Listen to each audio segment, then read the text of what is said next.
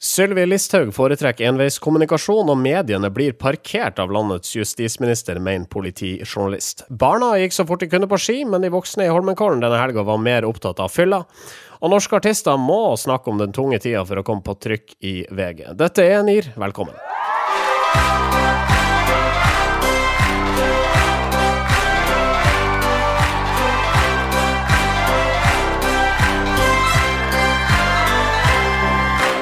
Mitt navn er Marius Staulen. Denne sendinga presenteres av medieovervåknings- og analyseselskapet Retriever. Marius Torkelsen, god dag. God dag, god dag. Hva skjer i din verden? Eh, min verden er full av håp og, og glede eh, om, om, dagen. Eh, jeg skal til Jeg skal til Bergen. Når dette spilles inn, så er jeg i Bergen. Og ja. skal gjøre standup på, på Riks i Bergen. Det er veldig gøy. Ja. Så, så, det gleder jeg meg alltid til. En ting, en ting som jeg har lurt, med, jeg har lurt på med Bergen. Det er, eh, jeg har ikke vært der på en stund, men jeg ser at folk tar bilde av den derre Bergen? spørsmålstegn? Ja. ja. Hva er det for noe, egentlig? Det er, det er et skilt utafor den nye, nye Flesland. Ja. Når du kommer ut av den nye flyplassen, så står det Bergen? spørsmålstegn. Mm. Og det er fordi den flyplassen er så fin at du lurer på jøss, er dette Bergen? Og det er det, da. Ellers, Sindre? Eh, ellers eh, går det bra. Vi sitter nå her på min eh, nye arbeidsplass som heter eh, A-Leap. Eh, som er en helseinkubator eh, i Forskningsparken i Oslo. Mange fine ord der på rad. vi sitter nå her, da, fordi vi har ikke noe annet sted å sitte. Men det er fint her, da. Ja. Syns jeg.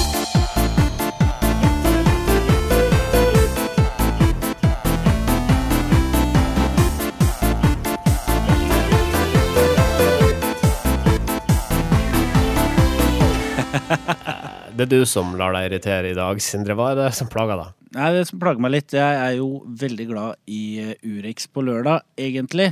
Eh, men eh, når man hører på det, så blir man jo også oppmerksom på den der utrolig merkelige talemåten som NRK-korrespondenter har.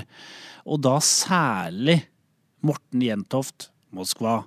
Og han er sånn derre Det som er litt slitsomt med han, og irriterer meg bitte litt eller bekymrer, han bekymrer meg bitte litt. For det høres, ut som han har, det høres ut som han har KGB og en russisk uh, armada av bjørner i hælene når han snakker. For han stresser noe helt vanvittig. Puster og peser. Uh, og jeg tenker sånn, ok, jeg tenker mer på uh, får han hjerteinfarkt nå, eller får han hjerteinfarkt nå, istedenfor å høre på hva han faktisk har å si. Skal vi høre litt lyd av Morten Jentoft? Ja, kan vi gjøre.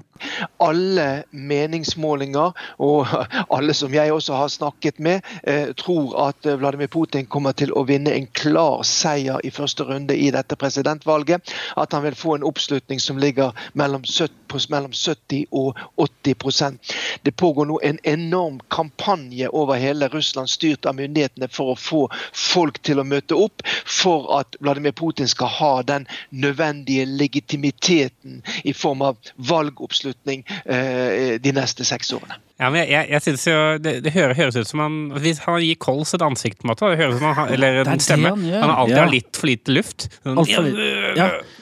Han tar veldig sats. Han snakker ikke fra uh, magen. Han har ikke lært uh, å synge. Alt på seg. Hans-Wilhelm Steinfeld, for eksempel, når han jobba i NRK, var nydelig å høre på. For du liksom følte at han er, han er engasjert, og han, og han på en måte, han lærer meg noe. Han kommer gjennom radioapparatet til mm. meg. Mens Jentoft er mer sånn der puste og PC. Jeg bare tenker på at han er i jævlig dårlig form når jeg hører på han. Men, men, det er jo sånn samme som jeg, jeg har bitt meg merke i han eh, Er det Martin Giæver heter? Han som lager Pyrk eller skurk eh, og den der Joshua French-podkasten. Husker ikke hvem han, han, han, han har en sånn måte å snakke på hvor han er, kan være sånn tilforlatelig. For sånn jeg tenkte på hva, hvorfor gikk egentlig Jensen ut der med penga? Hva var det Jensen ville? Han, han, han, beskriver hva han tenker hele tiden. Det er sånn, eh, sånn, skravlete tone over det, men samtidig som det er en veldig fin måte han, han, gjør det på. Jeg husker dere da Ingrid Stenvold eh, starta i NRK Riks. Uh, hun kommer jo nordifra. Ja. Og hadde da eh, Hun har eh, den klassiske Bardufoss-dialekten. Og det var kjempeproblemer den gang da hun skulle begynne i NRK. Da var det en lang diskusjon. Liksom, er dette her OK å ta inn eh, i riksformatet? okay. eller, eller, skal vi tvinge henne til å forfine språket? Men det slapp Stenvold, heldigvis. Mm. Heldigvis både for henne og for, for, oss andre, tror jeg. Ja, hun er jo nasjonalskatt. ja, hun er det. Uh, vi har mer på programmet, så vi må bare komme i gang. Uh, velkommen til Nyra. Norske informasjonsrådgivere. Det har storma rundt eh, justisminister Sylvi Listhaug denne uka etter at hun la ut et bilde av terrorister i Mogadishu, akkompagnert av en tekst som fastslår at Ap bryr seg mer om terroristers rettigheter enn nasjonens sikkerhet. Journalist Torkjell Trældal i Politiforum mener mediene rett og slett ikke evner å sette dagsorden når det kommer til Listhaug. I et innlegg hos Medie24 så skriver han at denne saken så åpenbart viser hvordan journalister gir fra seg makta. Ja, for Listhaug hun uh, har en utrolig evne til å sette, agen, uh, til å sette agenda. Uh, og hun gjør det en, med enveiskommunikasjon. Sånn at hun, hun legger ut et slags et agn i sosiale medier ofte, gjerne Facebook, sammen med han kompisen Espen Teigen, er ikke det han heter? Han er rådgiveren hennes. Og så Hersketeknikk. lar de posten eh, på en måte mørne seg, eh, og la på en måte pirajaene i kommentarfeltet få lov til å eh, uttrykke seg eh, der. Og hun venter også på at politiske motstandere skal mene noe. Eh, Og det som er spesielt med Listhaug, det er at i, i den fasen etter at hun har kommet med et sånt utspill, så er hun ikke interessert i å debattere det hun selv mener. Eh, Hun lar heller eh, kritikerne få fullt utløp, og noe de også på en måte utnytter. Eller de, de får jo veldig mye plass i den fasen. Og deretter går Listhaug ut og sier at "Her- vent nå litt. Nå syns jeg jeg har fått veldig mye Jeg syns jeg har blitt misforstått her. Jeg syns jeg har fått veldig mye kritikk for dette, eh, for utspillet.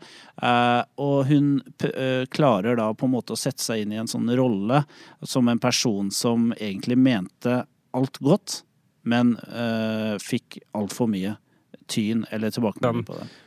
Si, det, er kanskje litt lett å gi mediene skylda for det. og Listhaug må ta noe av ansvaret, eller hele ansvaret. Men, men jeg, jeg synes liksom, hver gang disse sakene blusser opp, og igjen nå Jeg, jeg blir så irritert over at det, mye sånn, at det er så utrolig stort personfokus i dekningen av politikk. Og det gjelder jo ikke bare liksom, i norsk politikk, det gjelder jo politikk generelt. altså sånn hele insentivet for å gå ut på denne måten er jo nettopp det at personfokuset blir så stort. Og på en måte personfokuset i media fører til at Listhaug får en posisjon som hun rent sånn sånn faktisk egentlig ikke har, da, når, når, når det kommer til innflytelse. Altså hun, Hun er jo justisminister, må sies. ja, men eh, hun har jo ikke så mye formell beslutningsmakt likevel som justisminister. Altså, sånn, det, dette beviser jo hele, altså, hele den saken her beviser jo det at hun fikk, fikk ikke gjennom det forslaget hun ville, selv om det måtte sortere under Barne- og familiedepartementet. Um, Så demokratiet vårt fungerer etter hensikt. Det er bra, det. da. ja, ja, nettopp. Som at, som at det, den oppmerksomheten hun får rundt den saken, er uforholdsmessig stor i forhold til hvor mye påvirkning hun har på å få den saken gjennom Stortinget. ikke sant? Så om- Når hun da verken har støtte i regjeringen eller eh, virker ikke som i FrPs storting, stortingsgruppe engang, så er det så rart at hun får så sykt mye fokus på det. da. Men det er jo noe med det er jo noe, det er jo, Jeg syns det er riktig å sette spørsmålstegn ved eh, Skal journalister bruke så mye ressurser på en person eh, kontra en sak? Eh, og hva er det man i så fall ikke eh, bruker tid på, som man kanskje kunne prioritert? Ja, ja og, og, jeg mener bare sånn eh, det, er, det er så sykt mer interessant for hva som faktisk kommer til å skje av politikk, hva partiene mener, enn hva enkeltpersoner i partiene sier. Eh, og, og hvis måte all debatten, og det så man under valgkampen også, at all debatten handla om enkeltpersoner. Altså så gikk Gahr Støre til angrep på Sylvi Listhaug og gjennom Erna Solberg eh, på debatten på NRK en uke før valget. Eh, og sånn, Jeg skjønner jo at, at man gjør det fordi det gir mye måtte, det, det setter agendaen, men det, det, får ikke, det fører ikke til at noen vet noe mer om de sakene vi skal presumptivt stemme på. Så egentlig så kunne man ha sagt altså, så, OK, greit, dette her er- det er ikke heldig, man kan argumentere for at det er en smule usmakelig. La oss nå diskutere det som faktisk er kjernen i det Listhaug snakka om, nemlig lovforslaget i seg sjøl. Ja, eller, at VG eksempel hadde slått opp eh, Frp eh, mener eh, dette. Altså, Ja, men da må jo Listhaug forankre alle meningene sine i Frp. ja, ikke sant? Det hadde vært veldig slitsomt for Det er henne. utrolig slitsomt, da. Men, men men det, det er det måten å få bukt med dette her, her på. da At liksom, vi slutter å snakke om personer i Ja, vi snakker om partiet. Ja. Norske informasjonsrådgivere. Det var kvinnedag i forrige uke, og i den anledning inviterte NRK til debatt om såkalte influencers, altså bloggere med mange lesere. Og spørsmålet var er influensernes bruk av sosiale medier skadelig for unge jenter? I studio stilte skamskuespiller Ulrikke Falk og blogger Kristine Ullebø, og en rekke andre folk. Og Marius, du så hele debatten med interesse. Ja, eh, denne, denne, debatten føler jeg er verdt å gå inn og se. Fordi eh, den, eh, den, debatten kommer både til å bli stående som en slags sånn tidskoloritt på hvordan det var å leve i, i 2018. Sånn vi kan gå tilbake sånn, om 20 år da, i NRKs nettarkiv ja. og se på den debatten og se hva vi, hva vi debatterte. Ja. Eh, samtidig som også det var en veldig veldig interessant sånn, dynamikk i hele den debatten. Fordi hoveddebatten, tittelkampen, var da Ulrikke Falk, eh, samfunnsdebattant og skuespiller, og da Kristine Ullebø, som er den mest influenset av alle influenserne som, som, var der. Mm -hmm. hun, som hun legger, legger, ut bilder av seg selv og, og klær og reiser og mat og, ja. og sånn. Og, og, det er, en, altså det er en, eh, en, front imellom disse to eh, personene i dette studioet. Ja, fordi uh, Ulrikke Falk mener mener jo da at det er et uh, generelt sånn samfunnsproblem, spesielt for unge jenter, at veldig mye av fokuset i samfunnet er på, på kropp og på uh, det å se perfekt ut og sånn. Og Kristine Ulbø er da var representert eller var liksom invitert inn som en av representantene for da denne perfekte eh, andelen av kvinner som får andre kvinner til å føle seg dårligere. Mm. Eh, og det som var veldig morsomt gjennom hele debatten, var at alle som var innom, om det var da Ulrikke Falk, eller psykolog Peder Kjøs, eller Hans Petter Nygaard Hansen, eh, eller en eller annen sjef i blogg.no, de prøvde å overbevise Kristine Ulbø om at hun tok feil. Og hun hun ville ikke være med på det. De var, de var, sånn Jo, men du må jo forstå at du er At du må sette godt selvbilde. Men hvorfor må jeg det? Hvorfor må jeg det? Jeg trenger ikke å være godt selvbilde. Ja, hvorfor må det? Hvorfor? Nei, altså eh, Det er det som er rart. Hun aksepterte ikke at hun var at hun var en representant for den gruppa som alle var kritiske med. For alle, alle var sånn enige om jo, jo, det er viktig at, at, eh, at, det er et mangfold i sosiale medier, og at vi måtte vise fram den ekte siden. Men mm. hun da som motdebattant var ikke helt med på at hun var motdebattant. Og hun, vet, hun, hun blir bare surere og surere gjennom den debatten fordi alle som er mot henne, på en måte. da. Ja. Så vi, har, vi har, har, et klipp her som bare illustrerer litt hvordan, eh, hvordan eh, passiaren var mellom da Det her er da Ulrikke Falk og programleder mot Kristine uh, Ullebø. Ja, og det er Ulrikke Falk som kommer først her. Det første jeg slett etter hvis jeg får et innlegg, er når noen skriver 'body goals' eller 'kroppen din er så flott'. Det fokuset vil ikke jeg ha. Men det fokuset legger du opp til idet du poserer og sier 'dette bildet er jeg veldig fornøyd med'. Ok, Men så er jeg veldig fornøyd med bildet, da. Hva reflekterer du rundt det med å da vise frem kroppen din på den måten du er? Kropp er kropp. En kvinne som drar eh, i jobbintervju som er eh, mindre vakker enn det en annen vil være, kommer til å ha dårligere utgangspunkt. Men mener du Klopp at man kan, man kan, ikke vise identitet? Mener du at jeg, jeg ikke viser noen identitet på noen måte? At det er min eneste måte å vise at jeg er stolt av min kropp på? Det virker som du tror at med en gang man, man legger ut bilde av kroppen sin fordi at man er fornøyd, så er det den er at man gjør det kun for bekreftelse. Kun for likes. Men her er jeg idealist, Kristine. Det her er ikke noe nytt. Skjønnhetspress er ikke noe nytt, men vi snakker om det nå. Jeg sier ikke at noe er rett eller galt, du skal få lov til å gjøre det du vil, men da skal jeg også hele tiden stå for det jeg står for, og rope enda høyere. Det har du helt lov til. Og, og hvis, hvis, det skal være da altså en, en sånn uh, tagline fra den debatten, så, eller fra den entimes-debatten på NRK, så er det 'skjønnhetspress er ikke noe nytt', men vi snakker om det nå. ja, for, fordi at det, Og det er altså Ikke det at jeg følger denne debatten uh, i noe særlig grad, men denne skjønnhetsdebatten er vel knapt en ny en. Ja, Barbie er jo uh, nå 60 år, eller noe sånt nå i år. Så det har vart i hvert fall like lenge som, uh, som det.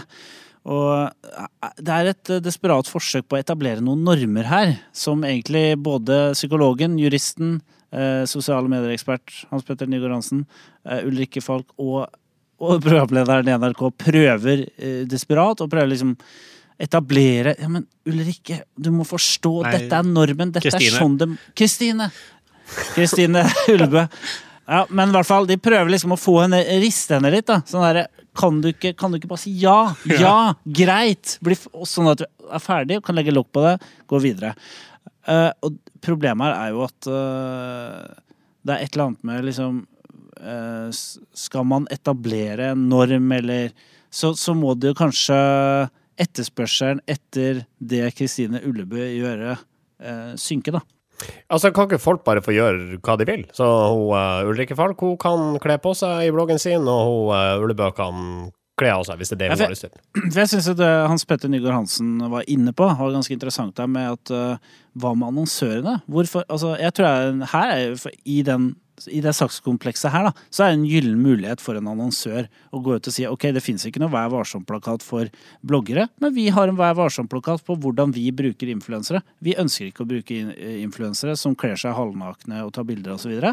Det følte jeg også kanskje var det, var det smarteste som er sagt i den, mm. hele, hele debatten. Eller mer sånn konkrete, da. Ja. Fordi, eh, men det var det eneste som programlederen ikke ville ha noe av. For vi var sånn Nei, nå er det akkurat det vi skal diskutere i dag. Mm. Det med annonsører og sånn kommer vi tilbake til. Men Kristine, du er enig i at du er med på å få til at eh, unge jenter får eh, anoreksi. Er, er du ikke det? Nei, det er ikke Det siste punktet som jeg syntes var litt morsomt med det, var at Peder Kjøs, da, som var der som psykolog, han, han også spurte om dette her, om liksom, kroppspress og om ungdom i dag eh, føler på større kroppspress enn før. Og han sa jo egentlig rett ut at han trodde ikke at det spilte så stor rolle. Eh, og at eh, det kan kanskje være en trigger hvis det er mye galt fra før, men, eh, men eh, han mente at sannsynligvis så har det veldig mye mindre påvirkning enn det vi tror. Som også bare hoppa glatt over av Ja, For det er jo ganske irriterende for en debattleder å få et sånn synspunkt inn i en debatt som skal handle om Kristine Ullebø. Ja, hva hun gjør feil. feil ja. Norske informasjonsrådgivere. I helga som var, ble det arrangert skifestival i Holmenkollen. 100 000 mennesker møtte opp for å få med seg at Martin Jonsrud Sundby tapte mot Kolonia. Um, og fordi noen av dem som møtte opp hadde det veldig morsomt, ble lørdagen mindre hyggelig for andre. Det ble en skikkelig fyllefest der oppe, rett og slett. Et tyvetalls skadde personer, slåssing og et salig kaos på T-banen da titusener av mennesker skulle komme seg ned til byen igjen. Kommunikasjonssjef Cato Asperud i Sporveien var på besøk hos Dagsnytt 18 mandag. Det som skjedde, var at eh, altså, når folk løper gjennom haver, river ned gjerder, går ut i T-banestrekningen, eh, sågar sovner i T-banestrekningen, ja, da, da, har det kommet så langt at, eh, at, vi da selvfølgelig bare må si stopp. På veien oppover, også når man løftet opp før arrangementet, så ble det 23 minutter stans fordi at en luring fant grunn til å trekke nødbremsen uten grunn. Det her er klassisk norsk flatfyll, rett og slett, som uh, sponsorer reagerer på. Sparebank1 Østlandet og Obos er blant aktørene som stusser på publikums oppførsel. Det må ei holdningsendring til, sier kommunikasjonsdirektør Åge Pettersen i Obos til kampanje. Dette er jo ikke, dette er for så vidt ikke noe nytt at folk liker å feste i forbindelse med med, med arrangementene i Holmenkollen. Altså det, jo, det, kan man jo se i sosiale medier og overalt hvert år, at man koser seg skikkelig med, med no, litt øl og litt uh, akevitt, eller hva det nå er. Jeg har aldri vært med på det. Uh, jeg drikker Jeg syns dette er tull. Nei, det er tulla. Jeg, jeg, men jeg har aldri vært med på det sjøl, men jeg har jo sett at det er mye gøy som skjer der. Uh, men du, du, må jo liksom se på hele Holmenkollen som et utested, egentlig, i den uh, dagen. Og det, det, som var vel tabben her, var vel egentlig at de forskjellige grenene, eller uh, type femmila, hopp osv., ting slutta litt for, for likt. Sånn at uh, det, det, var ikke sånn at man fikk slusa folk uh, gradvis ned til byen, men uh, det oppsto et kaos når 100 000 personer plutselig skulle ut av anlegget ja. og skauen, og hvor de nå befant seg for å drikke, på en, en, på en, og samme tid. Da. Ja, altså, jeg var jo blant de 100 000 da, som, som var der. Og, og, det var gøy, det. var det full? Jeg var uh, full. Men det, det jeg er litt rart med at uh, sponsorene går ut og reagerer i etterkant, er at de har aldri lagt skjul på hva dette her skal være. Altså sånn være. Uh, det, det, er jo det, er, måte, det, blir jo kalt folkefest, og da lurer jeg på om de som jobber i Sparebank1, som jo er, tross alt er en trøndersk bank, har møtt det norske folk på fest. Fordi dette er det norske folk på fest. Jeg beklager å si det, men akkurat sånn er det vi oppfører oss. Ja.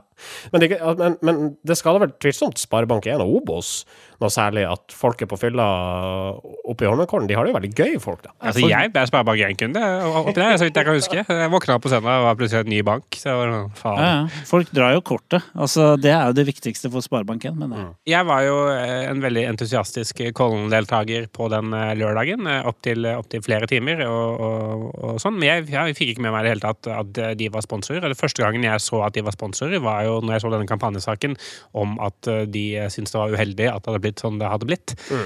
Så jeg ville kanskje vurdert eh, om de skal fortsette å være sponsorer, men mer av den grunnen at de ikke er en assosiert partner eh, til oss som faktisk var der oppe. Hvis uh, Sparebanken trodde at at liksom en eh, skifest handler om å spise mest mulig Kvikk Lunsj og, og appelsin, så er det litt naivt, da. For det er jo faktisk eh, Dette er jo på en måte norm, vår, vår oktoberfest, på en måte. Og det, det er klart det er litt sensitivt liksom når det blir kobla litt for tett opp mot sporten. Grunnen til at det ble sånn som det ble, er jo, det er jo egentlig FIS sin skyld, eh, Internasjonale Skiforbundet. For de hadde bestemt at uh, skirennene skulle begynne halv tre. Vanligvis har disse skirennene begynt eh, halv ett eh, på, for formiddagen. Ja. Eh, som betyr at folk plutselig fikk to timer ekstra å drikke på. Og det er ikke som om vi da eh, begrenser oss de to ekstra timene. De tar vi som en gave. På tuppen her tar vi turen til Hanne Sørvågs forvirrende verden. Hun har uh, hatt nok en tøff periode i livet, uh, noe hun selvfølgelig forteller om til VG. Ifølge avisa har Sørvåg gravd i noen fortrengte minner, uh, noe som det da har blitt musikk av. Og for å selge den musikken, så må du, som Sørvåg gjør, uh, ty til det Kjetil Rollenes kaller for sosial promografi. Du må snakke i media om alt trøbbelet du har, og kun et minimum om låtene du faktisk har laga. Ja, for eh, har du ikke laga noe særlig bra musikk, så må du jo selge det inn på en eller annen, måte. Eh, og dette er jo skikkelig déjà, déjà vu, er det det jeg skal si. For eh, sist hun var ute med plate, gjorde hun akkurat det samme. Ja, Og vi snakka om det. Og vi snakka om det. Så dette er en dobbel déjà vu. Akkurat som om Hanne Sørvåg ikke hører på NIR. Eh, Men ikke lar seg irettesette av det vi sier. Antagelig så er det ikke så veldig mye interessant å snakke med artister om, da. Altså, eh, du kan godt snakke om eh, dine motivasjoner bak å, å, å skrive låt, eller å komponere låt, eller en artig historie fra da du og bandet ditt var i studio, men så, så blir det kanskje tomt, da. Så eh, det er mulig at dette er eneste måten for enkelte å, å, å, å, gjøre seg aktuell i media på. Ja, det er jo en grunn til at ikke samtidsmusikere med sånn tolvtonemusikkverk blir omtalt på førstesiden av VG. Og det er fordi at folk gidder ikke å høre på folk som snakker om musikk. Men kanskje på, på samme måte som da mitt, uh, mitt revolusjonerende forslag for uh, politisk journalistikk. Vi også kan gjøre det for kulturjournalistikken generelt. Det kan være sånn popartist gir ut skive istedenfor å snakke om personer hele tiden. Eller at samtids, eh, samtidsartister faktisk gjør akkurat det samme. For eksempel eh, Olav Anton Thommessen snakker ut om den vonde tida. Ja, ikke sant? Arne Norheims uh, ukjente fortid som uh, swinger, for Ja. eksempel. Det var en hard tid. Vi tar med helt på tampen en liten anbefaling. Niklas Boman i Anorakk har vært på SXSW i Austin og har skrevet et fint blogginnlegg om timing. Ja, han snakker jo om timing, om hvordan hjernen fungerer. eh, og eh, hva, hva, er liksom, hva er perfect timing for å gjøre forskjellige typer oppgaver? Da? Så han snakker om at, eh, at man eksempel eh, er mest uh, Bør gjøre egentlig ting som krever mest konsentrasjon. Det bør man gjøre tidlig på dagen. For da er man bedre i stand til det. Og ting som er litt mer sånn praktiske ting man bare må få gjort, det er sånn man bør gjøre midt på dagen. Eh, Mens, eh, og, og at man er kreativ gjerne på kvelden og ettermiddagen. Og det er jo ikke uvanlig. Det, det er ganske mange som nok vil være enig og Ja. kjenne på. Men akkurat det der med, det der med å sjekke e-posten, det er jo noe av det første vi gjør når vi kommer på jobb. Det bør vi ikke begynne eh, arbeidsdagen med. Så rett og slett ved å vite hvordan hjernen vår fungerer på forskjellige tidspunkt gjennom døgnet, så kan vi eh, bli bedre folk. I hvert fall bedre til å gjøre jobbene våre. Ja, og så skal vi ta pauser, og vi skal ta det ofte. Og det er jo noe vi syns er kjempebra. Nå, Når du er selvstendig næringsdrivende, så du skal ha pause i, Ja, ikke sant? på ubestemt tid, er det ikke? Ta pause på ubestemt tid. Um, vi legger nok ut ei lenke til uh, dette innlegget på vår uh, Facebook-side, facebook.com slash nearcast. Eller så hører du oss i iTunes, soundcloud.com slash nearcast, kreativtforum.no. Så er vi tilbake igjen om ei uh, uke. Fram til da, Ha det bra. ha det bra. Norske informasjonsrådgivere.